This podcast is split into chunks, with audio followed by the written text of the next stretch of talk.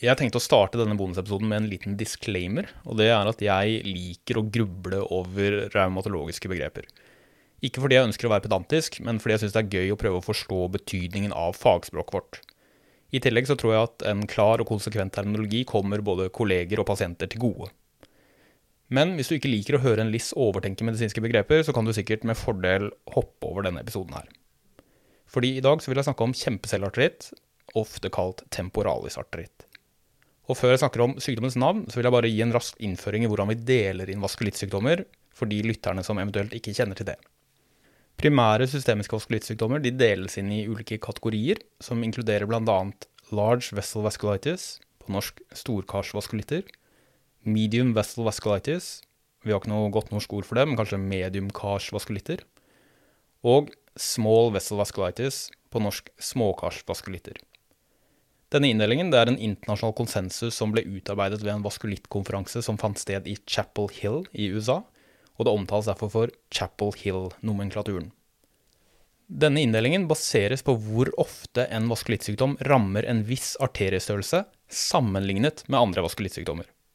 Så altså storkarsvaskulitter rammer store arterier oftere enn de andre vaskulittgruppene gjør. Medium karvaskulitter de rammer middels store arterier oftere enn de andre vaskulittsykdommene gjør. Og småkarsvaskulitter rammer små arterier og kapillærer oftere enn de øvrige vaskulittgruppene. Så inndelingen baseres altså på predileksjon for en viss størrelse av arterier. Men det er ikke slik at en storkarsvaskulitt kun affiserer store arterier, eller at en småkarsvaskulitt kun affiserer små. F.eks. så kan småkarsvaskulitter også affisere middels store arterier, og som vi snart skal høre, så vil noen pasienter med storkarsvaskulitt kun ha affeksjon av middels store og små arterier. Så kategoriseringen av en gitt vaskulittsykdom som stor, medium eller småkarsvaskulitt skjer på gruppenivå, ikke på individnivå. Det neste vi må vite, er hva som er store, middels store og små arterier. Chapel Hill-nomenklaturen definerer store arterier som aorta og aortas hovedgrener. Med hovedgrener så tenker jeg 1. Supraaortale avgangskar, altså buekar sånn som karotis og subklavia. Og 2. Ikke-viserale arterier som er proksimalt for albuen eller knær, altså axillaris, iliaca, femoralis. Middels store arterier det er viserale arterier og deres første avgangsgrener, f.eks. nyrearterier og arteria mesenterica superior og inferior. Små arterier det er intraparenkymale arterier, arterioler og kapillærer, altså arterier som er inni organer. Dette er arterier som man stort sett ikke kan navnet på. Kjempecellearteritt kategoriseres som en storkarsvaskulitt fordi den på gruppenivå rammer store arterier oftere enn vaskulittsykdommene som kategoriseres som medium- eller småkarsvaskulitter. Kjempecellearteritt kan ramme aorta og hovedgrener, særlig axillaris og subclavia. Den kan også ramme kraniale arterier, særlig arteria temporalis og små grener av arteria oftalmica. Begge disse arteriene ligger ekstrakranialt, dvs. Si utenfor dura, utenfor skallen. Fordi temporalis den kjenner du jo i tinningen. Og disse små grenene av arteria oftalmica de avgår etter at arterien forlater skallen gjennom canalis opticus. Intrakranial affeksjon, altså affeksjon av arterier innenfor dura, det forekommer også, men det er veldig, veldig sjelden. Ok, så kjempecellearteritt det rammer altså ofte kraniale arterier utenfor dura, og veldig sjelden arterier innenfor dura. Det betyr at de kraniale arteriene som oftest rammes ved kjempecellearteritt, er ekstrakraniale. La oss nå se på hvilken størrelse disse arteriene vi har snakket om nå, har aorta og hovedgrenene, sånn som subclavia og axillaris, det er jo utvilsomt store arterier. Grenene av arteria oftalmica må vel anses å være små, eventuelt middels store. Temporalarterien er jeg litt usikker på, det er jo ikke en hovedgren, og den er ikke intraparenkymal, så kanskje det er best å anse den som middels stor. Noen pasienter med kjempecellearteritt har kun affeksjon av aorta og store hovedgrener. Andre pasienter har kun affeksjon av graniale kar, sånn som temporalarterien og- eller oftalmikagrenene, mens andre igjen har affeksjon av begge deler. Manifestasjoner avhenger av åreaffeksjonen. Så isolert affeksjon av aorta og- eller store avgangskar, altså uten kranialaffeksjon, det gir vanligvis allmennsymptomer og forhøyde inflammasjonsmarkører uten organspesifikke symptomer. Affeksjon av kraniale kar kan i tillegg gi kraniale symptomer. Så affeksjon av arteria temporalis kan gi hodepine, kjeveklaudikasjon og fortykket temporalkar med svekket pulsasjon, mens affeksjon av grener av arteria oftalmica kan gi irreversibelt iskjemisk synstap. Så nå har vi litt bakgrunnskunnskap om kjempecellearteritt, og vi vet hvordan den kan presentere seg, så da kan vi gå litt nærmere inn på terminologien som brukes om denne sykdommen. Affeksjon av temporalarterier kan som sagt gi disse fremtredende kraniale manifestasjonene, sånn som tinningshodepine og palpabelt fortykket temporalkar. Tidligere så ble diagnosen stilt hos pasienter med denne presentasjonen, hvor biopsi av temporalarterien avdekket vaskulitt. Sykdommen ble derfor kalt temporalis arteritt, som betyr vaskulitt i temporalarterier. Senere så ble det klart at dette navnet er ganske upresist av flere grunner. For det første så kan jo sykdommen ramme andre arterier, sånn som aorta, buekar og andre kraniale kar. Og for det andre så er det ikke sånn at alle pasienter med denne sykdommen har affeksjon av temporalarterier. I tillegg så kan andre vaskulittsykdommer, sånn som anka-assosierte vaskulitter, i sjeldne tilfeller gi vaskulitt i temporalarterier, og dermed i gåseøyne temporalisarteritt. Av denne grunn har man gått vekk fra begrepet temporalisarteritt, og kjempecellearteritt er i dag det foretrukne navnet. Kjempecelle det refererer til at tilstanden gir granulomatøs inflammasjon med epiteloide kjempeceller i affiserte kar. Men dette navnet er også upresist, fordi for det første så er det kun halvparten av biopsiverifiserte tilfeller som viser tydelige kjempeceller. Og for det andre, kjempeceller, altså granulomatøs inflammasjon, kan også ses ved mange andre vaskulittsykdommer, sånn som takayasusarteritt, granulomatose med polyangitt og eosinofil granulomatose med polyangitt. Så vi har gått fra et uspesifikt anatomisk begrep, temporalsarteritt, til et litt uspesifikt histopatologisk begrep, kjempecellearteritt. Til tross for disse begrensningene så synes jeg at kjempecellearteritt er et mye bedre navn enn temporalsarteritt, fordi det, er jo veldig rart å diagnostisere en pasient med vaskulitt isolert til aorta og subklavia med tilstanden temporalisarteritt. Kjempecellearteritt på engelsk heter giant cell arteritis og forkortes GCA. På norsk så bruker man gjerne forkortelsen KCA, altså kjempecellearteritt, og det er det jeg vil bruke i resten av denne episoden. Så KCA det deles inn i fire fenotyper basert på distribusjon av affiserte arterier. Så pasienter med isolert affeksjon av kraniale kar utenfor dura, sånn som temporalarterier, de kalles kranial KCA. Pasienter med isolert affeksjon av kraniale kar innenfor dura kalles intrakranial KCA.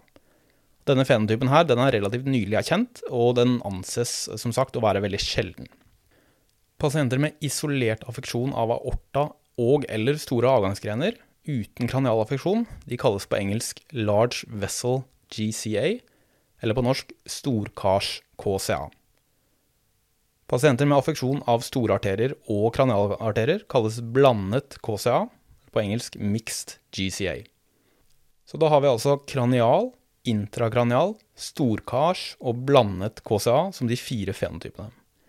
Og jeg syns det er verdt å dvele litt med de to typene som heter kranial KCA og storkars KCA. Fordi la meg starte med storkars KCA. Min personlige mening er at det er litt forvirrende å introdusere prefikset storkars for denne fenotypen, fordi størrelsen av affiserte arterier brukes jo i den overordnede inndelingen av vaskulittsykdommer. Og på gruppenivå så regnes kjempecellearteritt som en storkarsvaskulitt, uavhengig av hvilke arterier som er rammet hos en gitt pasient. Og dette er det eh, mange som er enig i, så den fenotypen med isolert affeksjon av aorta og store avgangsarterier blir derfor ofte omtalt som ekstrakranial KCA. Og da skiller man altså mellom kranial KCA, med affeksjon av temporalarterier eller andre kranialarterier, og ekstrakranial KCA, med affeksjon av aorta og store hovedgrener. Dette tror jeg kan være litt forvirrende, fordi hva betyr egentlig ekstrakranial? Ekstra, det betyr jo utenfor. Så ekstrakranial kan referere til én, noe som finnes i hodeområdet, men som er utenfor kraniet, altså utenfor dura, f.eks. temporalarteriene. Eller to, noe som finnes i en annen kroppsregion enn hodet, f.eks. torakalaorta eller iliakakarene. I revmatologien så bruker vi ofte begrepet ekstra om noe som er i en annen region eller et annet organ. Eksempel så er interstisiell lungesykdom en ekstraartikulær manifestasjon av reumatoid artritt, eller en ekstra muskulær manifestasjon av en idiopatisk inflammatorisk myopati. Og jeg liker veldig godt de begrepene, og jeg bruker dem ofte, fordi de viser jo hvilket vev som, syk, som sykdommen primært angriper, altså ledd for RA, muskler for idiopatisk inflammatorisk myopati, og så kan man referere til alle andre eventuelle manifestasjoner samlet som henholdsvis ekstraartikulære eller ekstramuskulære manifestasjoner. Jeg tror det her er intuitivt og informativt. Men jeg mener samtidig at det er litt annerledes når det kommer til begrepet ekstrakranial om kjempecelleartritt, fordi her refererer ikke ekstrakranial til et annet vev, det refererer til en annen lokalisasjon, og når man hører ordet ekstrakranial, så tror jeg de fleste vil tenke at dette refererer til en struktur som finnes i hodeområdet, men som ligger utenfor skallen. Og jeg testet den hypotesen her blant noen legevenner som jobber i andre fagfelt, og uten å gi dem noe bakgrunnsinformasjon, så spurte jeg dem én, hvis jeg sier at noe er ekstrakranialt, hvor tenker dere at dette befinner seg? Og to, hvis noe er kranialt og noe er ekstrakranialt, hva tenker dere at dette refererer til?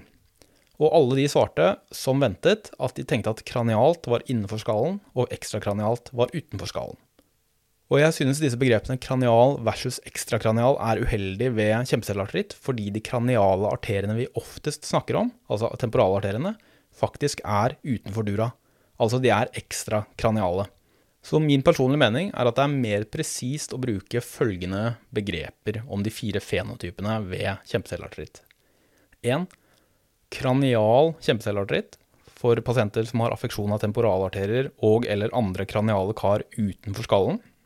To, intrakranial kjempecelleartritt for den lille gruppen med pasienter som har affeksjon av eh, kraniale kar innenfor dura. Tre, ikke-kranial kjempecelleartritt, eventuelt det litt mer anglifiserte non-kranial kjempecelleartritt for pasienter som har affeksjon av aorta og store grener uten affeksjon av uh, kraniale kar. Og uh, fire, blandet kjempecelleartritt for de som har en kombinasjon av uh, ikke-kranial og kranial kjempecelleartritt. Så da blir det fire fenotypene. Kranial, intrakranial, ikke-kranial og blandet. I en liten parentes her så vil jeg nevne at siden den intrakraniale typen finnes, så ville det jo kanskje vært aller best å kalle affeksjon av temporalarterien for ekstrakranial KCA altså ekstrakranial, intrakranial, ikke-kranial og blandet. Men det at den kraniale typen eventuelt skal omdøpes til ekstrakranial, som til nå har blitt brukt om å eh, omtale den andre fenotypen, det vil nok skape altfor stor forvirring. Så jeg kommer selv til å bruke kranial, intrakranial, ikke-kranial og blandet. Dette her det er, det er, kun mine tanker. Jeg er på ingen måte noe autoritet innen kjempecelleartritt, og det her er selvfølgelig ikke noe fasit. Jeg er bare en liss som liker å overtenke fagspråk. Jeg prøver ikke å introdusere en offisiell navneendring, jeg ønsker bare å stimulere til litt eh, diskusjon og refleksjon rundt disse begrepene blant de av oss som liker å gruble over dette. Og så legger jeg samtidig inn et lite ønske til kjempecelleartritt-gjengen om en litt mer beskrivende navngivning ved fremtidig revisjon av terminologien. Til slutt vil jeg bare takke Lene Brekke og Andreas Diamantopoulos for alle gode og lærerike samtaler om kjempecelleartritt. Og takk for at du hørte på.